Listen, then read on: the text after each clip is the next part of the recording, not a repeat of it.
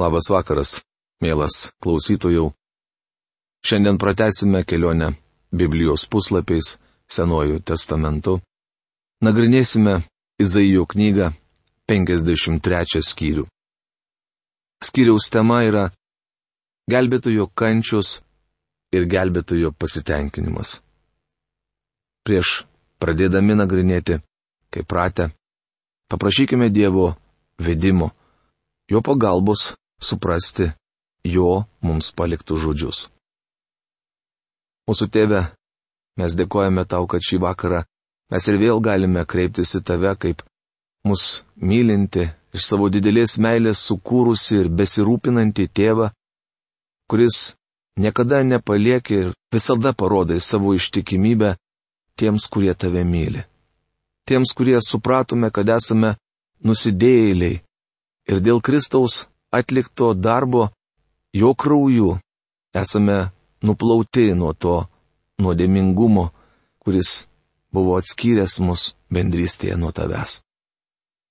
Mes dėkojame tau, tėve, kad galime būti išlaisvinti ir šiandien gyventi pergalingą gyvenimą, kreipdamiesi tave pagalbos suprasti amžinybės žodį, kuris užrašytas Biblijoje ir kuris yra apreiškiamas tavo dvasios galybę. Meldžiam, kad ir šį vakarą tu prabiltum į mūsų širdis, padėdamas suprasti pranašo Izaijo mums užrašytus žodžius. Nuimk nesupratimo šydą nuo mūsų akių ir padėk mums svarstyti, kaip turėtume pasikeisti dėl to, ką girdėsime. To meldžiame mūsų viešpaties ir gelbėtojo Jėzaus Kristaus vardu. Amen. Kas pažįsta Dievo žodį, tas žino, kad ryškiausiai Kristaus nukryžiavimas aprašomas Izaijo knygos 53 ir Psalmino 22 skyriuose. Galbūt tai bus netikėta tiems, kurie linkia manyti, jog tik keturiose Evangelijose aprašomas liūdnas, siaubingos Dievo sūnaus mirties epizodas. Kruopšiai išstudijavę Evangelijų pasakojimus pamatytumėte, kad ten paminėti tik keli atskiri su Kristaus nukryžiavimu susiję įvykiai. Pats nukryžiavimas Evangelijose pagarbiai praleidžiamas. Šventoji dvasia apgaubė kryžių tylos šydu, neatskleisdama smalsiai miniai jokių baisių detalių, kuriomis jį galėtų mėgautis. Sakoma, kad žiauri minė, nukryžiavusi Jėzų sėdėjo ir stebėjo jį. Mums su jumis negalima taip elgtis. Visgi net ir ten buvę žmonės ne viską matė, nes Dievas paslėpė savo sunaus agonijas po tamsos kraiste. Kai kurie sensacijų besivaikantys pamokslininkai bando vaizdingai ir smulkmeniškai nupasakoti, kas, jų manimų, vyko Kristaus nukryžiavimo metu. Menininkai stengiasi nupiešti mums baisėjo mirties realybę. Tačiau mes su jumis ko gero niekada, net amžinybėje nesuprasime, ką iš tikrųjų jam teko iškesti tą baisę valandą. Elizabeta Kleganė yra parašiusi eilėraštį 99. Dabar norėčiau jį pacituoti. Bet atpirktieji nežinojo niekada, koks gilis buvo vandenų, kuriuos reikėjo brist. Kokia tiršta buvo tamsa, apgaubus viešpati, kol jis surado avį pasiklydusią savam keliui. Regis Dievas nenorėjo, kad mes žinotume tai, ko mums nebūtina žinoti. Jis nenorėjo, kad mes nuvertintume tai, kas be galo šventa. Turėtume nepamiršti, kad visuomet grėsia pavojus sumenkinti ir nustoti vertinti šventus dalykus. Izaijo knygos 52 skyriaus 11 eilutėje skaitome Apsivalykite, jūs, kurie nešate viešpaties indus. Izaijas apie Kristų pranašavo tada, kai iki jo gimimo buvo likę 700 metų. Jis apie Kristaus kančias pasakė tai, kas nepaminėta niekur kitur. Prieš skaitydami toliau turėtume staptelėti ir atsakyti į klausimą, kuris galbūt kyla ir jums. Iš kur mes žinome, kad Izaijas kalba apie Kristaus mirtį? Juk visą tai jis užrašė, kai iki Kristaus gimimo buvo likę 700 metų. Tokį patį klausimą Pilypui uždavė Etijopas Eunuchas pakvietęs jį į savo vežimą. Apaštalų darbų knygos 8 skyriaus 32 eilutėje rašoma, kad Eunuchas vyko iš Jeruzalės į savo šalį ir skaitė 53 Izaijo knygos skyrių. Minėtoje apaštalų darbų knygos eilutėje tiksliai nurodytas net skirsnis, kurį skaitė šis vyras. Kai buvau mažas, sekmadieninėje mokykloje mokytojas rodė mums paveikslėlį, kuriame buvo pavaizduotas etiopas eunuchas.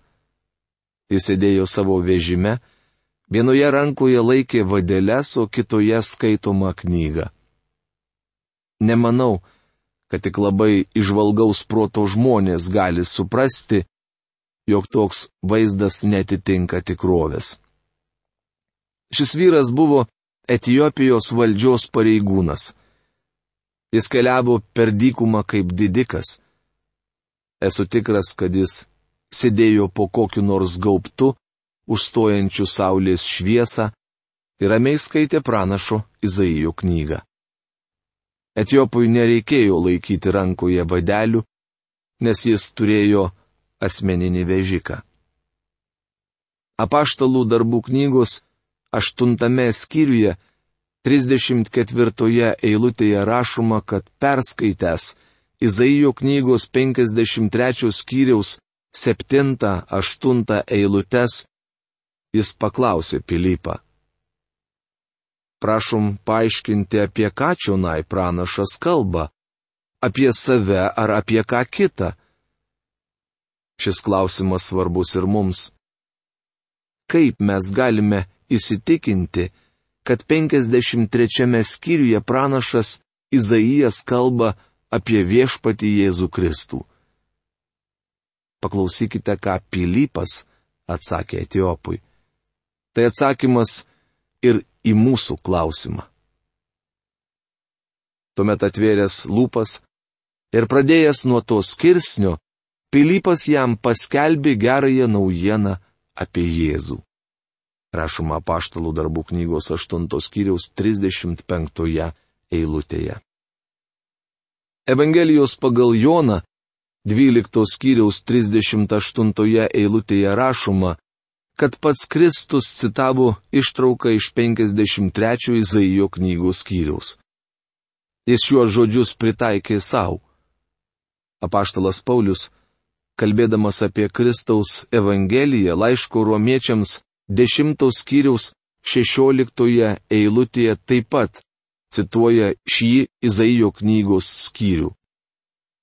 Bičiuli, studijuodami šventą įraštą matome, kad Izaijo knygos 53 skyriuje kalbama apie Kristų. Dar daugiau. Šiame skyriuje aprašomas Kristaus kryžius jo mirties valanda. Pirmose devyniose eilutėse aprašomos gelbėtojo kančius. Likusioje skyriaus dalyje kalbama apie gelbėtojo pasitenkinimą. Skaitydami toliau pamatysime, kad šios dvi temos susijusios. Prieš pasitenkinimą visuomet tenka kentėti. Daugelis žmonių, bandydami išvengti visų gyvenimo išmėginimų, ieško trumpiausio kelio vedančio į laimę. Noriu Jums pasakyti, kad nėra trumpo kelio į pasitenkinimą. Štai kodėl aš neigiamai vertinu trumpalaikius kursus. Reklaminiuose lapeliuose žadama, kad juose žmogus sužinos atsakymus į visas gyvenimo problemas ir bus apginkluotas visais Dievo ginklais. Mielas bičiuli, Dievas taip nedaro. Trumpo kelio nėra. Net Dievas neėjo trumpuoju keliu. Jis galėjo išvengti kryžiaus ir priimti karūną. Būtent tai jam siūlė šietonas. Tačiau pasitenkinimas be kančių neįmanomas. Tai liudija ir liaudės išmintis. Patarlė sako, per kančias išvaigždės. Tokį metodą naudoja ir Dievas. Vadinasi, jis geriausias. Galbūt šiandien jūs blaško gyvenimo audros, gal užgriuvo bėdos ir išmėginimai, kuriems regis niekada nebus galo. Norėčiau padrasinti jūs ir sustiprinti jūsų tikėjimą. Jūs einate tuo pačiu keliu, kuriuo ėjo Dievas. Jei žengėte juo su viešpačiu, galiausiai išeisite į šviesą. 30 psalmės šeštoje eilutėje skaitome. Ašaros gali lėtis visą naktį, bet džiaugsmas ateina su aušra. Turėdami tai omenyje, pažvelkime į kenčiantį gelbėtoją. Gelbėtojo kančius.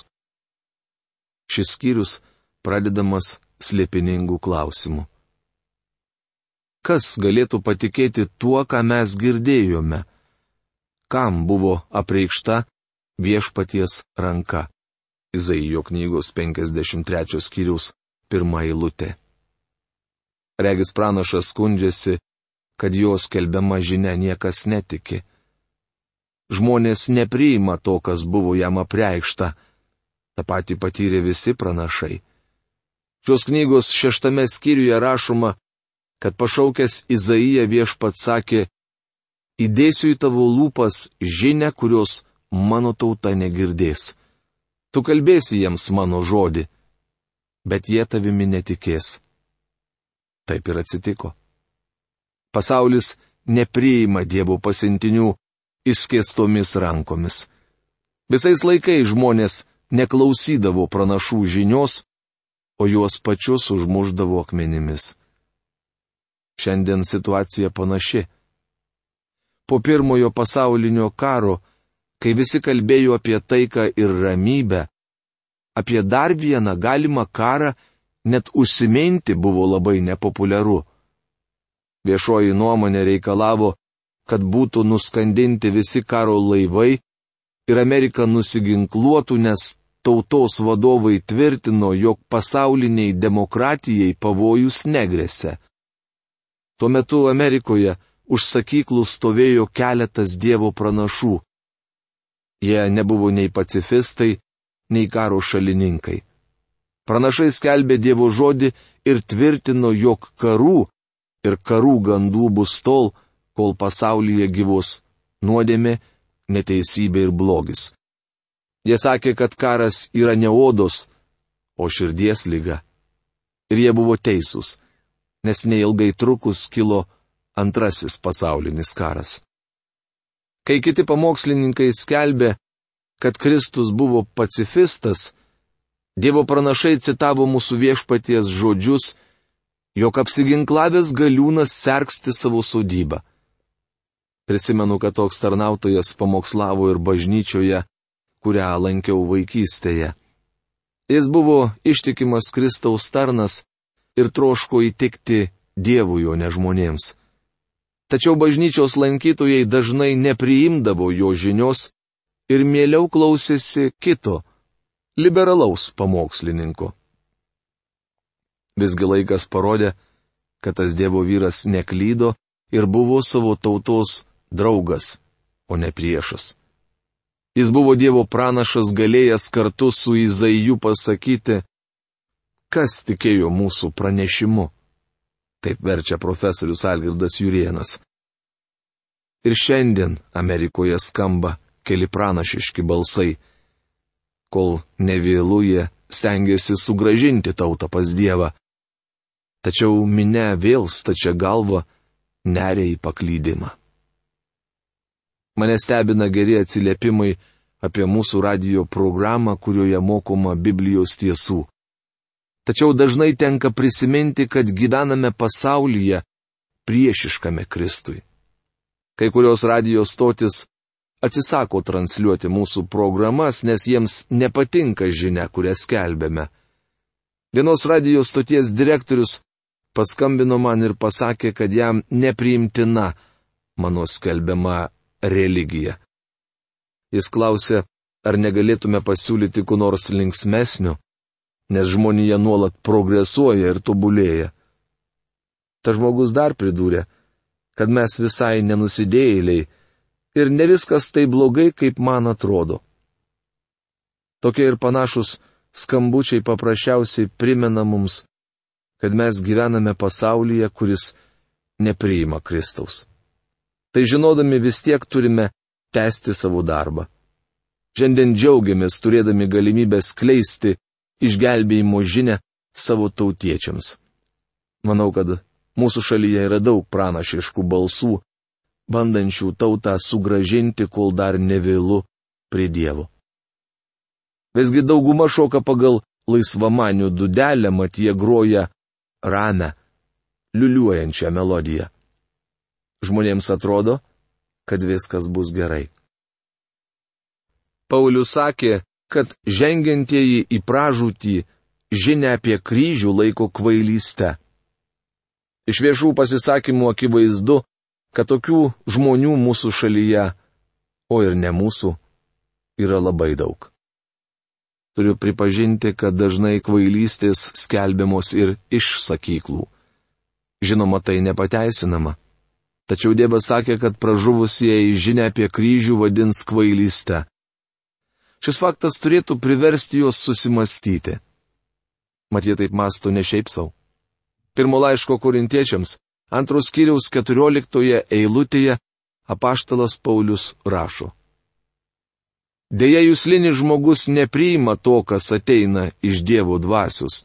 Jis tai laiko kvailystę ir nepajėgia suprasti, kad apie tuos dalykus reikia spręsti dvasiškai. Meldžiu, kad jie įsiklausytų į tai, ką sako Dievas. Reikia nepamiršti, kad Dievas nesinaudoja žmogiškais metodais ir būdais. Jis pasirenka tai, kas pasauliui atrodo silpna, kad sugėdintų galiūnus, ir tai, kas pasauliui atrodo kvaila, kad sugėdintų išminčius. Kviesdami gydytoją mes nesitikime, kad jis išrašys tuos pačius vaistus, kuriais namų sąlygomis gydomės patys. Jo nurodytos procedūros mums gali atrodyti kvailos, tačiau jei norime pasveikti, uoliai jas vykdysime. Tada ar nebūtų teisinga panašiai elgtis su Dievu? Tačiau mes vis dar turime pritarti Izaijui kas tikėjo mūsų pranešimu. Ir viešpaties ranka, kam ji buvo priekšta? Verčia profesorius Algirdas Jurienas. Žmonės netiki Dievo Evangeliją dėl labai konkrečios priežasties. Jie linkia manyti, jog Dievas sėdi kažkur danguje didingame soste. Senovėje žmonės kalbėdavo, kad dievai negyvena su mirtingaisiais.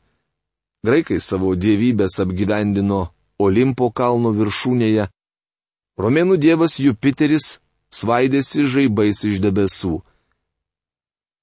Religijai svetima mintis, kad dievas nužengė į šią žemę, gyveno tarp žmonių ir gėdingai kentėjo ant kryžiaus. Tai nesuvokiama. Šio laikinis protas vadina tai pralaimėjimu. Kenčiančios dievybės savoka jam nepriimtina. 53 Izaijo knygos skyrius savitai žavingas. Čia aprašomos didžiosios kančios, kokias mes tik galime įsivaizduoti, o dar tiksliau - neįsivaizduojamos kančios. Matome žmogų, kuris kankinasi kaip gimdanti moteris. Jis ir jo kryžius keistai traukia mus. Evangelijos pagal Joną 12 skyriaus 32 eilutėje užrašyti viešpaties Jėzaus žodžiai. O aš, kai būsiu pakeltas nuo žemės, visus trauksiu prie savęs. Kančia ir skausmas keistai traukia. Kai matome vargšę, krūviną būtybę inkščiančią iš skausmo, mūsų širdyje instinktyviai gimsta užuojauta nelaimingai aukai. Mes norime kaip nors padėti. Štai kodėl mums taip artima Raudonojo kryžiaus veikla. Mes užjaučiame karo ir civilizuoto šio laikinio barbarizmo aukas. Tai reiškia, kad reakcija į skausmą yra visų vienoda. Ši savybė būdinga visiems kenčiančios žmonijos vaikams. Taigi, žvelkite kartu su manimi į keistas Dievo sūnaus kančias. Meldžiu, kad jis trauktų mūsų šaltas širdis savo aukos šilumą ir spinduliuojančią meilę. Savo pirmąjį klausimą Izaijas papildo antruoju. Kam buvo preikšta, kitaip, apnuoginta viešpaties ranka? Žodžiai apnuoginta ranka rodo, kad Dievas pasiraitojo rankovės ir ėmėsi milžiniško darbo. Sakoma, kad sukurdamas dangų ir žemę, Dievas darbavosi tik pirštais. 19 psalmės antroje eilutėje skaitome. Dangus pasakoja Dievo garbę ir jo rankų darbas kelbė tvirtumą, verčia profesorius Algirdas Jurienas. Žodžių junginys rankų darbas pažodžiu išvertus reiškia pirštų darbas. Daktaras Devitas Talmadžas sakydavo, kad Dievas kurdamas fizinę visatą net nesušilo. Jis padarė dangų ir žemę be jokių pastangų. Paprasčiausiai tarė žodį ir visa tai atsirado. Septintą dieną jis ilsėjosi ne dėl to, kad buvo pavargęs, bet dėl to, kad viskas buvo baigta. Tačiau atperkant žmogų Dievui reikėjo apnuoginti ranką, tai yra pasiraitoti rankovės, nes išgelbėjimas buvo jo didžiausias darbas. Dažnai pabrėžiama, kad Dievo išgelbėjimas dovana. Jei tuo norima pasakyti, kad žmogui suteikiamas dovanai, tai tiesa. Žmogus negali užsimokėti ir net neturi ko pasiūlyti už savo išgelbėjimą. Jis suteikiamas mums dovanai tik dėl to, kad Dievas sumokėjo visą kainą. Jam reikėjo pasiraitoti rankovės. Dievas atidavė savo sūnų numirti ant kryžiaus.